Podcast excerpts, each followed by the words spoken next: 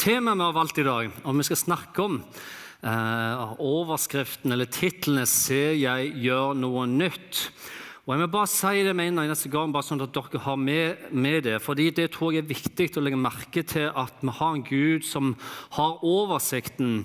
Og Jeg har lyst til å gjøre dette her til litt spesielt. Jeg kjente når jeg sto her under lovsangen, og det må jeg bare si også innledningsvis, Tusen hjertelig takk for en fantastisk sang. Og Hanna, innledningen i dag den uh, var helt uh, enormt uh, godt å få lov å være med på. Så tusen hjertelig takk til dere. Så skal jeg gå videre på det. Fordi jeg tror at Gud har en hilsen helt spesielt til noen i dag.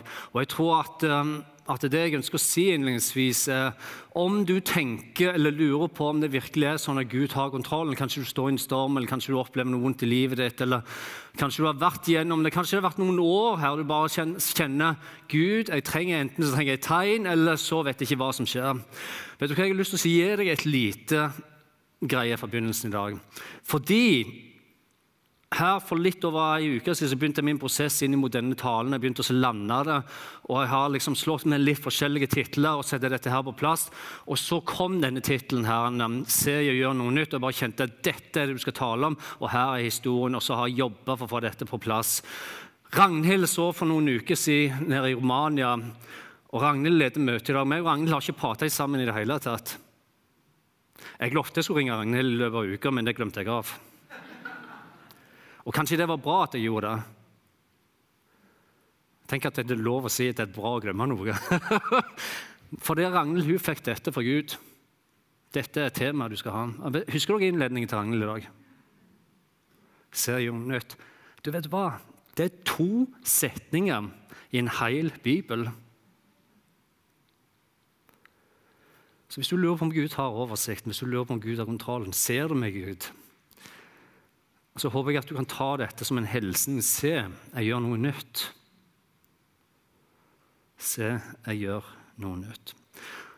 Utgangspunktet for denne teksten her er henta fra Jesajas bok i Det gamle testamentet, som vi skal komme tilbake til seinere. Men før vi gjør det, så vet jeg ikke hvordan det er med deg, for her er vi helt naturlig, helt naturlig forskjellige. Men hjemme hos oss så uten å nevne navn, da, så er det slik at vi har noen hjemme som når de ser på TV, og kanskje en bestemt serie som de er veldig glad i, så, fra 1700-1800-tallet, eller noe sånt, noe, så, så, bare faller all fokus på omverdenen bort. De er liksom, de, akkurat som de blir slukt inn i Og igjen, vi er forskjellige her, men uh, uten å nevne navn, altså. Men hun lever seg så inn i dette at uh, faktisk er det sånn at hun begynner å snakke til TV. Det er akkurat som hun er i den verden der.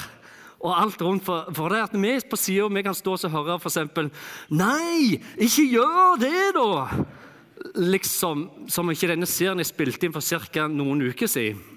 Og Det kommer ikke til å endre seg, men hun fortsetter bare. For av og til så hører hun liksom Nei, kom igjen nå! Ikke gi deg nå! Og så sier hun What? Nei, hva er det du tenker på? Er du helt dott i hodet, liksom? Og, og, hun snakker til TV-en. Jeg vet ikke om det er noen som har det sånn her.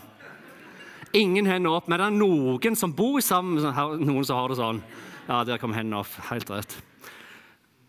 Ingen kontakt er det få. Og det er det som er. Selv om jeg sier 'hallo' én gang, 'hallo' to ganger, 'hallo' tre ganger, så er det liksom sånn at du må gå kanskje inn noen ganger og bryte kontakten. Du trenger ikke dra ut av TV, altså, men at du sier 'Her er jeg, jeg har noe jeg skal si til deg' for å få denne opplevelsen at du i hvert fall blir sett. Eller sånn som det var for mange mange år siden. og Lene og meg var uh, unge, vi var nyforelska, men har nettopp møtt hverandre. og Vi gikk på en tur sammen. Og alt annet rundt meg bare forsvant liksom i forelskelsen. Og hvis du ikke har hatt det sånn, så ja, ok. Det, det er en god opplevelse, liksom, fordi at plutselig så bare er det bare hun som er der, og alle de andre mennesker rundt er borte, og alt det som skjer rundt. Og det er veldig fint, og det er kjempebra, helt til du som en dag som jeg plutselig møter en lyktestolpe og det bare smeller, liksom. Og omverdenen kaller på hjem. Vi er her ennå. Jeg er en lyktestolpe, har stått der i 50 år og skal ikke forandre det liksom i 50 år framover heller. Du kommer ikke til å flytte meg, jeg flytter deg. Og det skjedde.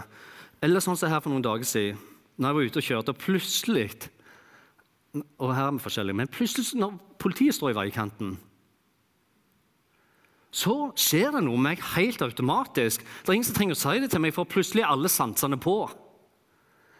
Eh, av en eller annen grunn da, så er det sånn at jeg helt automatisk trykker på bremsa.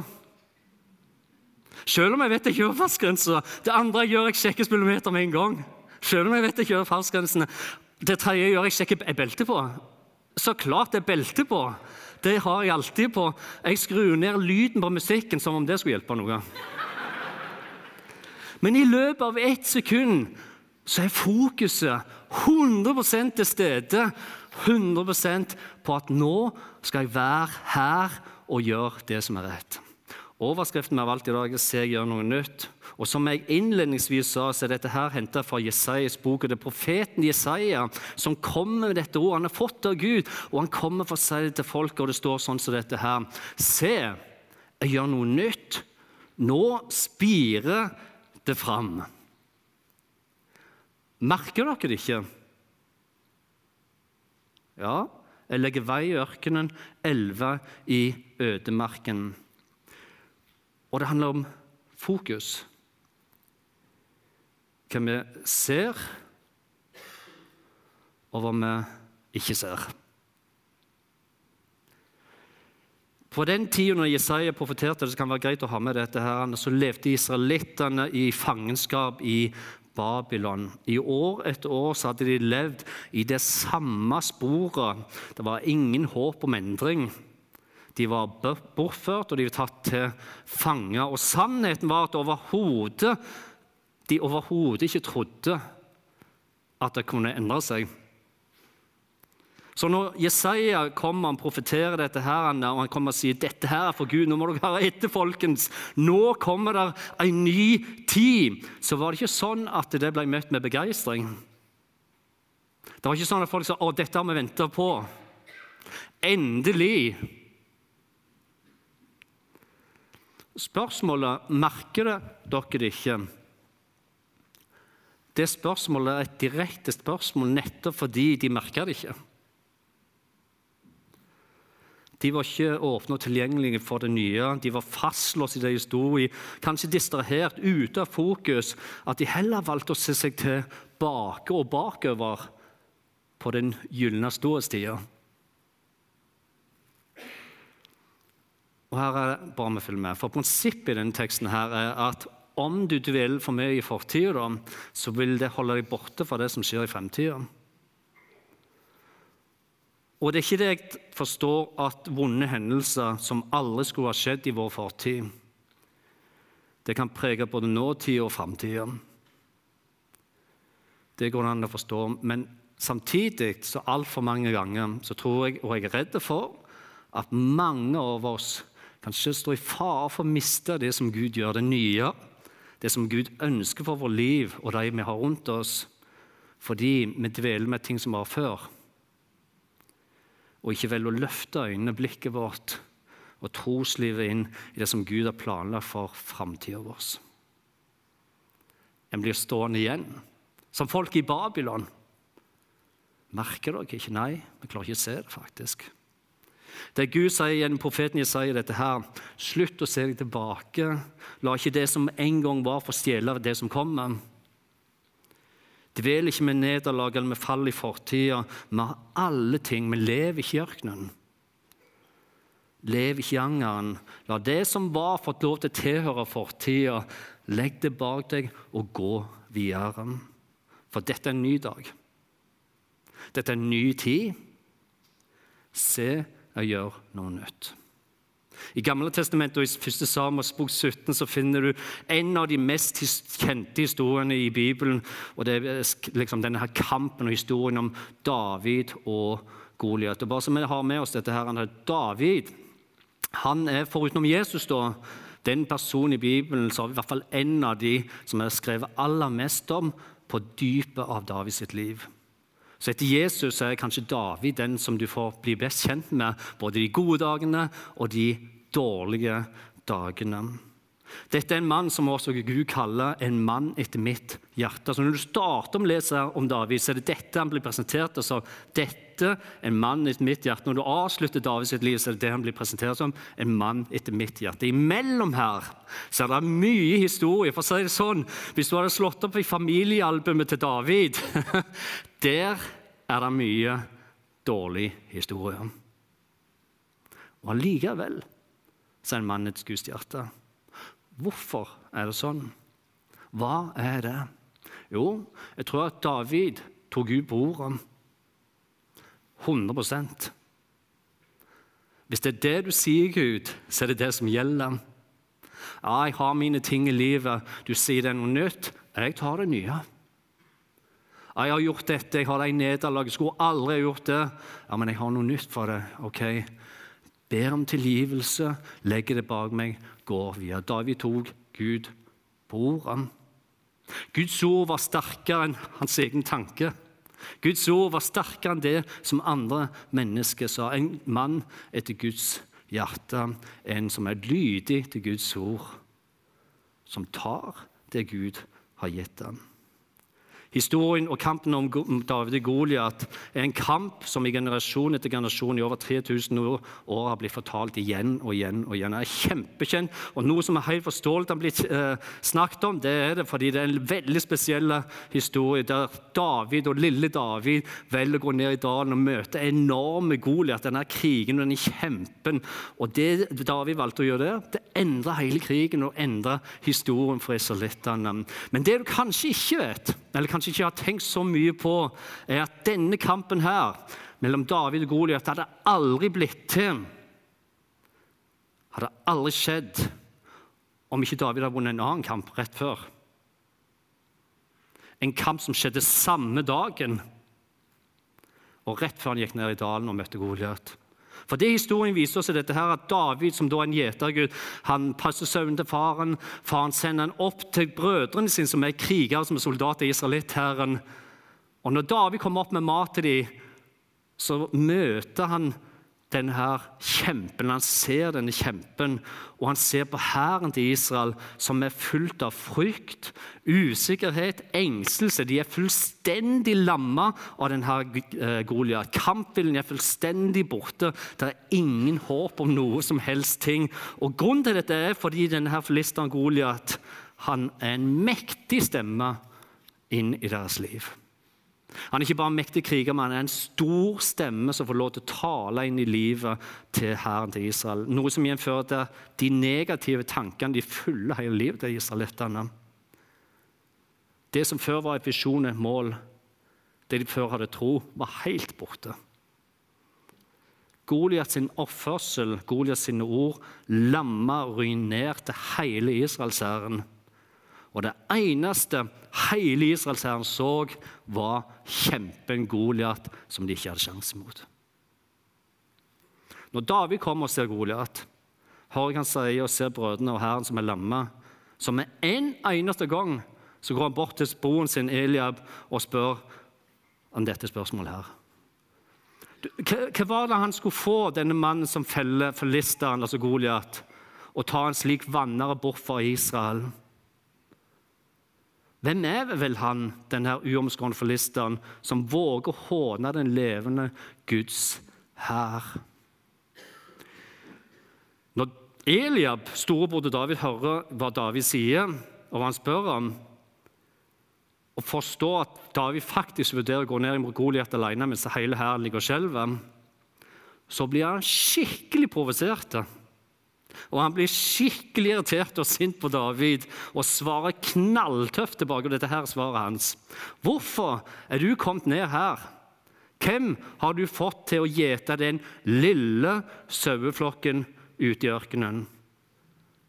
'Jeg vet hvor frekk og ond du er.' Bare, 'Du er bare kommet hit ned for å se på slaget.' Og David sa, 'Hva galt har jeg nå gjort?' Jeg spurte jo bare. Og jeg vet ikke hva du tenker om dette, her, men for min del er dette her ganske heftige ord.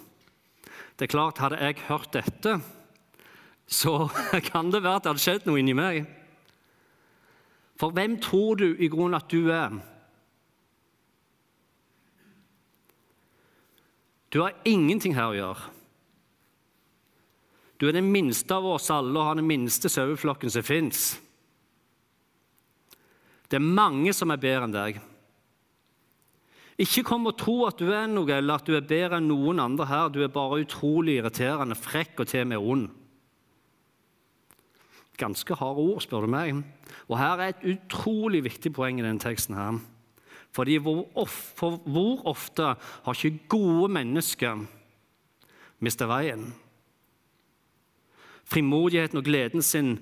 Gode ledere mistet fokus.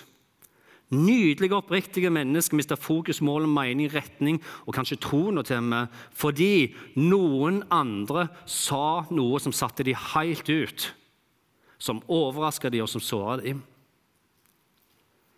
Slik at de bakka ut, la ned frimodigheten sin, ga opp det de trodde på, eller håpte på og drømte om. Nøyaktig sånn som israelshæren krøp sammen, gjemte seg bort og ble liggende nede. Kong Salomo, som den dag i dag blir regna som eller sett på som det viseste mennesket som noensinne har levd på jorda, han skrev det sånn som dette her. Tunga har makt over død og liv. De som bruker den, får smake på frukten. Tunga vår, altså ordet vi bruker, har makt over liv og død. Og ordene vi velger, og måten vi velger å bruke dem på, de kan være giftige, skadelige, eller de kan være fylt av liv. Som igjen betyr at våre ord er som såkorn. Det du sier, det kan være gode frø som vokser fram til noe fint. Det du sier, kan være gift som øyelegger det skulle meint å være. Spørsmålet er dette her. Hvilken frukt ønsker du å skape frukt, altså? Hvilken frukt ønsker du å skape hos andre rundt deg? Hvem ønsker du at folk skal tenke på når de tenker på deg? Hvem ønsker du at de skal huske deg for etter du møtte dem? Kong Salmo fortsetter å skrive sånn som dette her. Tankeløst tale stikker som sverd. Og det var det David fikk. Men vismenn har legedom på tunga. Men hvorfor skriver kong Salomo den viseste mannen som har levd dette? Jo, fordi våre ord de kan gi liv, og våre ord kan ta liv.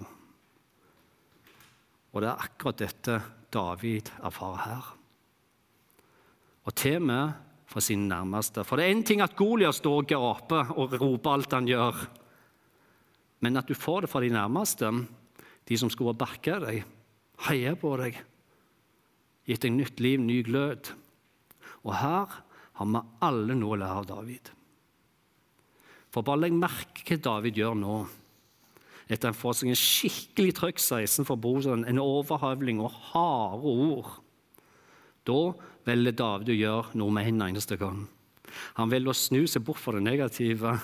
Han vil å la de ord som var meint til skade han, holde han nede og presse han ned, falle til jorda like fort som de kom imot han. Han lar de være ord. Han blåser ikke liv i de.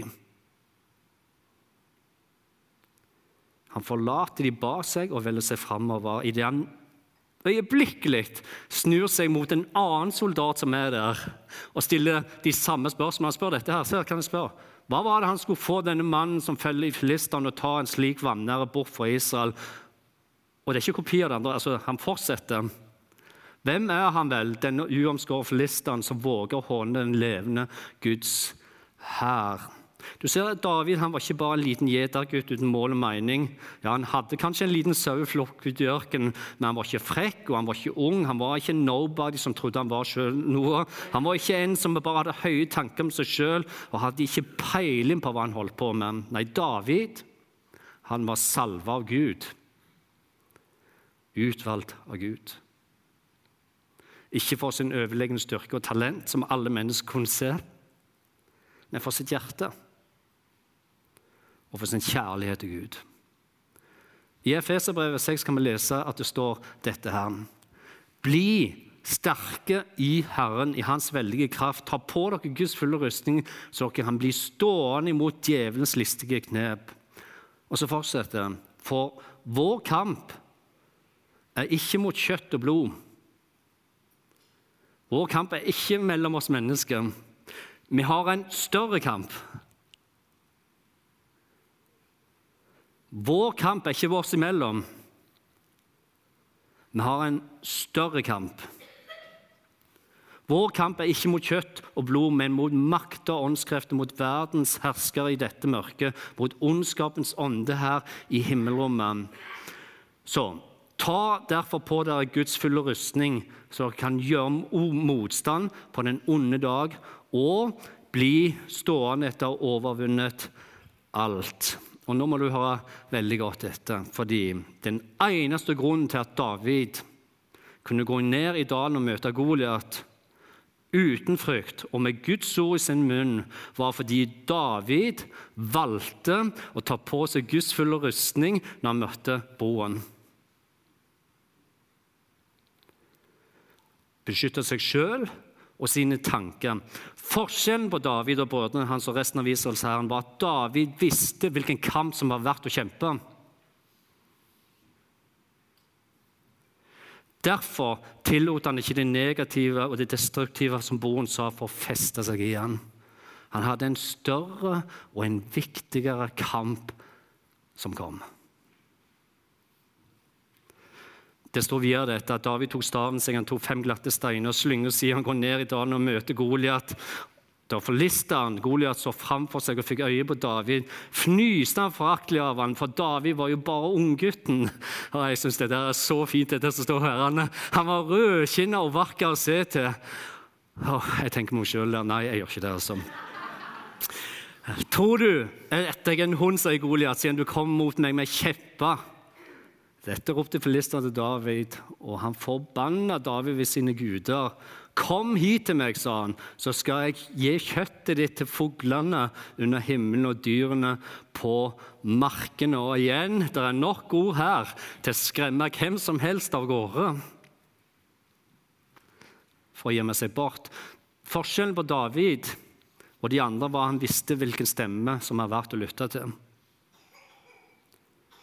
Selv om alle andre sa noe annet, så visste han at Gud har kalt han til å være i den situasjonen David fylte Guds stemme. Og Derfor så svarer David, du kommer mot meg med sverd og spyd og sabel. Men jeg kommer mot deg i navnet til Herren over herskernes Han som er Gud for Israels hær, han som du har hånt. I dag vil Herren gi deg i min hånd.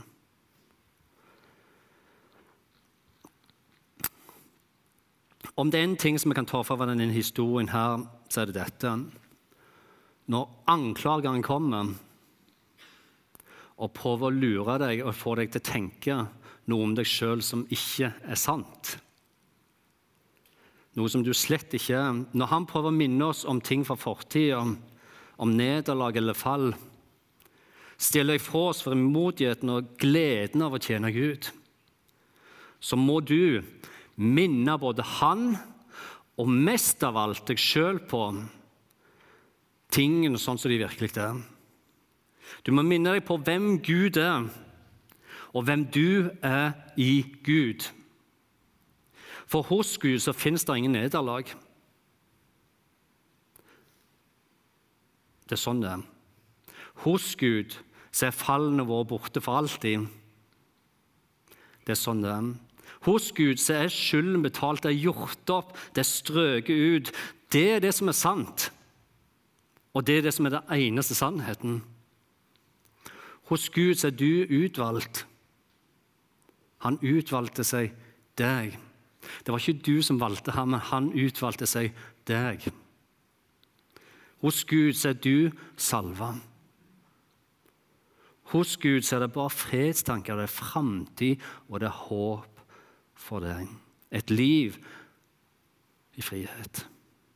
100% tilgivelse, 100% nåde og bare 100% kjærlighet. Noe som betyr at Gud han er 100 for deg, ikke 99, han er 100 for deg. Ønsker deg, elsker deg.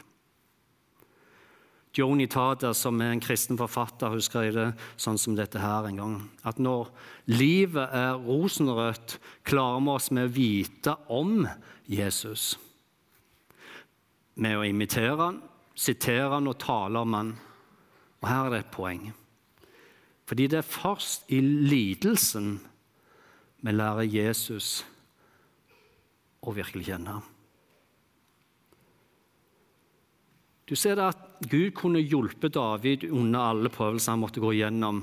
Gud kunne bevart Josef fra fengsel, som vi leser om. Han kunne holdt Daniel ute fra løvehulen. Han kunne sett til at Jamia ikke ble kastet ned i denne gjørmete brønnen. Han kunne holdt de tre unge israelittene, Sadrak, Mesak og Abednego, borte fra ildovnen til Nebekneser. Men Gud gjorde ikke det.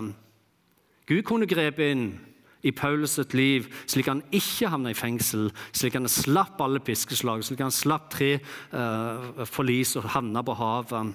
Han kunne gjort det med Moses også, han kunne hjulpet Moses under alle prøvelsene og lidelsene han måtte gå gjennom. Han kunne gjort det, men han gjorde ikke det. Gud lot de gå gjennom prøvelser og stormene de opplevde, men det er ikke det samme som at de var alene i stormen. Gud var med i stormen. Utfordringen er om vi klarer å se Gud, søke Gud, løfte øynene og se at også her i stormen har Gud noe nytt han ønsker å gi oss, vise oss, lede oss til. Alle ble disse trukne nærmere Gud gjennom lidelsen og prøvelsen. Og Der lærte seg to ting. Nummer én å finne en glede under alle forhold. Og nummer to de takka for den nye Gud gjorde i deres tid. En glede og en takknemlighet under alle forhold. Corrie ten Boom ble under andre verdenskrig tatt til fange av nazistene. Hun ble sendt til Ravensburg konsentrasjonsleir, som var kvinnefengsel, en kvinneleir. Hun beskriver i en av sine bøker hvordan hun og medfanger opplevde en lidelse og en grusomhet som er så ufattelig og uhyggelig at en ikke kan forstå at mennesker kan finne på å gjøre noe sånt. Det var en ondskap, et mørke, som kun djevelen kunne stå bak. Torturen og smertene var så ubegrivelige at all menneskelig verdi ble tatt revet fra dem. Og det er her i denne uhyggelige situasjonen Corrie ten Boom skriver og beskriver at under slike prøvelser og lidelser så fins det en kraft. En hvile som vi mennesker kan få tak i og takke for. Hun skrev det enkelt med, med tyngde og erfaring, slik som dette. Hvis du ser på verden, blir du urolig. Hvis du ser inn i deg sjøl, blir du nedtrykt. Men hvis du ser på Jesus, får du hvile. Hemmeligheten er hvem er det du ser på, hvem fokuserer du på, og hvem lytter du til? Hemmeligheten er hvem sine ord er det som får leve i deg og lede deg. Det som skjer i det ytre livet vårt, det er viktig, men det er ikke så viktig som det som skjer i vårt indre liv. Det ytre forholdene de endrer seg, de temporære. Mens det som skjer inni oss, karakteren vår, den skal vare til evigheten. Spørsmålet da blir hvem velger du å fylle ditt indre med? Hvem sine ord skal få lede ditt liv gjennom stormene og vanskelighetene du går gjennom. I 1. Tessalonika brev 5 kan vi lese at det står sånn som dette her. Vær alltid glad. Be uavbrutt. Uavbrutt. Takk Gud under alle forhold. For dette er Guds vilje med dere i Kristus Jesus. Og Jeg vet ikke hvordan det er med deg, men når jeg leser dette og har lest dette en del ganger, så tenker jeg OK. Jeg leser det, men hvordan er det mulig? Legg merke til at det står 'under alle forhold', og ikke 'for alle forhold'. Dette er viktig. Gud ønsker ikke at vi skal takke for ondskapen, de negative ordene, synden, lidelsen eller smertefulle vi opplever. Vi skal ikke takke for det. Istedenfor ønsker Gud at vi skal lære oss å takke for at gjennom det vi erfarer, kan Han skape noe nytt og vil skape noe nytt som vil hjelpe, støtte oss, trøste oss og gi oss fornyet tro til å fullføre det Gud ønsker for vårt liv. Under alle forhold, ikke for alle forhold. I Filippa 4, 4 så står det dette her. Gled dere alltid i Herren. Igjen vil jeg si, gled dere for La, ja, la, alle mennesker få merke at dere er vennlige. Herren er nær. Vær ikke bekymret for noe, men legg alt dere har på hjertet, framfor Gud. Be og kall på ham med takk. Og igjen Hvordan er det mulig? Det står ikke at vi skal glede oss over det vonde vi opplever. Og heller ikke la det vonde bli fokuset vårt men at vi heller velger å fokusere oss på hvem Gud er, og hvem vi er i Han. Gled dere alltid, Herren, handler om å komme til Gud med hele vårt liv. Det gode og det vonde. Og be og kalle på ham med takknemlighet. Hos Han er det 100 nåde, hos Han er det 100 kjærlighet. Det er, ikke, det er, ikke, Gud som må lære hva nåde og kjærlighet er, det er vi som må lære hva nåde og kjærlighet er. Be og kall på ham med takk. Vær alltid glad handler om at vi velger å stole på han har oversikten, han har kontrollen, han er nær oss. Innledningsvis i dag det var hilsen. Jeg har kontrollen, jeg har oversikten. Hos han kan du finne glede i Guds kjærlighet, hos han kan du finne om, eh, omsorg i Guds omsorg. Han, hos han kan du finne visdom i hans visdom. Du kan finne kraft og trofasthet under alle forhold. Gled dere alltid i Herren. Du ser at Når du leser evangeliet om Jesus med nærmere slutten, så vil du se at Jesus lærte disiplene sine å lære oss både med ordene han sa, og måten han var på, handlingene, så lærte han oss dette. Åndelig modenhet er aldri et mål i seg sjøl. Åndelig modenhet er aldri et mål i seg sjøl, fordi grunnen til at vi er kalt til modnes, er for å bli mer lik Jesus, bli tjenere. Som betyr at vi vokser for en hensikt. Det er en grunn til at Gud ønsker at vi skal modnes og vokse. Og hensikten er for å kunne tjene Han og gi videre det vi selv har fått. For det er ikke nok hør. Det er ikke nok å lære mer og mer og mer. Ha enda en bibelundervisning om ikke handler og lever ut det vi lærer. Vi må praktisere, vi må handle og gjøre etter det vi har lært, det vi hevder å tro på. Hvis ikke så stopper det helt opp. Ser jeg noe nytt? Nei, jeg klarer ikke å se det for jeg har stoppet opp. Det Jesus lærer oss, eh, er dette her. At det å bare stadig sitte og ta imot og ta imot uten å ha et liv videre i tjeneste, leder oss til åndelig stagnasjon.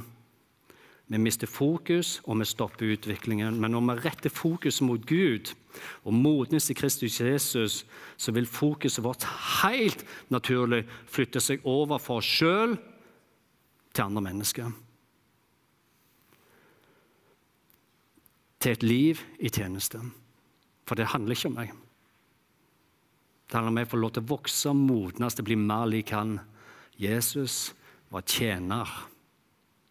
Han tjente, og vi er kalt til å tjene. Profeten Jesaja kom til Israelsfolket i Babylon og sa dette. Se, jeg gjør noe nytt. Nå spirer det fram, merker dere det ikke? Ja, jeg legger vei i ørkenen 11 i ødemarken. Så var problemet at folk hadde glemt.